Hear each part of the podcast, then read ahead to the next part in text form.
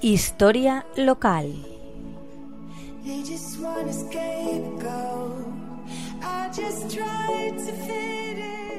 Hola, amigos de la Tegua Radio. ¿Cómo estáis? Perdidos, ¿verdad? O como diría Miguel Hernández, hoy estoy sin saber yo no sé cómo. Hoy estoy para penas solamente.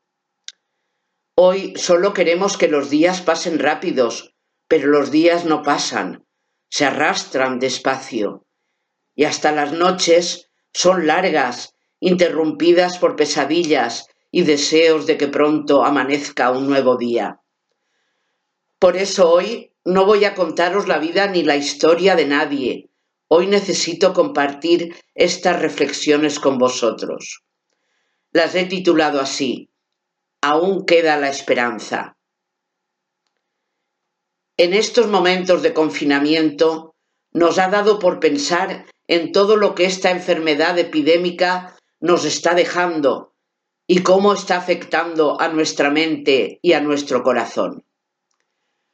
Por si no nos habíamos dado cuenta, ahora lo sabemos con certeza, la vida no siempre es divertida, al contrario, a veces es dura, durísima, como en estos momentos, y más para unos que para otros.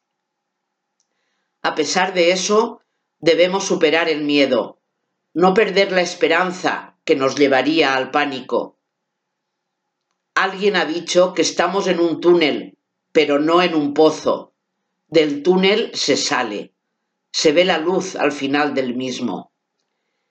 Si hemos aprendido la primera lección, la de que la vida es dura, tenemos que actuar de otra manera, tenemos que ser más conscientes de que somos frágiles y vulnerables, que somos pequeños e insignificantes.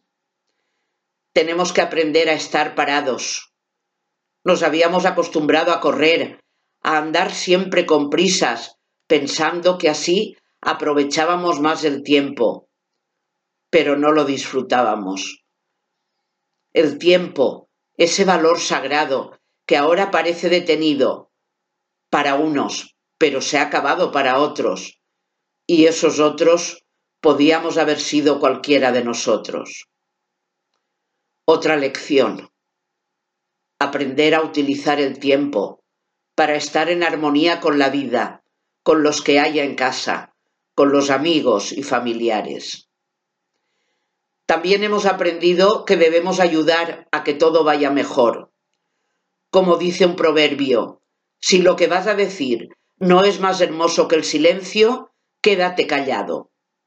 Cállate o di algo bonito y sonríe, crea buen ambiente, respeta, da un beso, un abrazo, un te quiero. Reivindiquemos el afecto, la ternura, el cariño, no dejemos de expresarlo con gestos, con palabras o con acciones. Quejémonos menos de tener que estar en casa. Estar en casa es lo mejor que nos puede pasar, es lo menos desagradable. Otros están peor. Más lecciones aprendidas.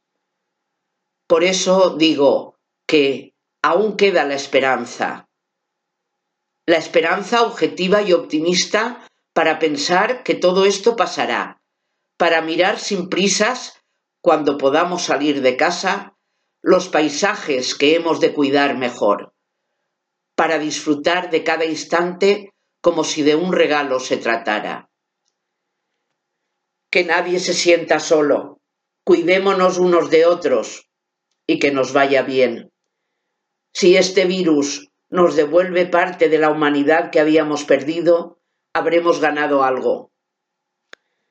Esto es lo que estoy pensando, amigos, y quiero compartirlo con vosotros.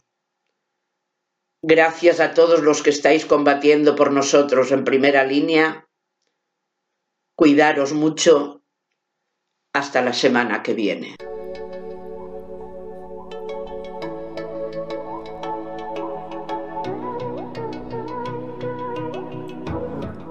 Historia local.